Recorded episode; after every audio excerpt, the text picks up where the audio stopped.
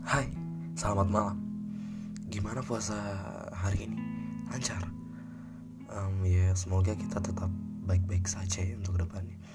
Bagi yang menjalankan puasa, selamat menjalankan ibadah puasa dan jangan lupa juga untuk stay safe, tetap semangat dan jaga kesehatannya.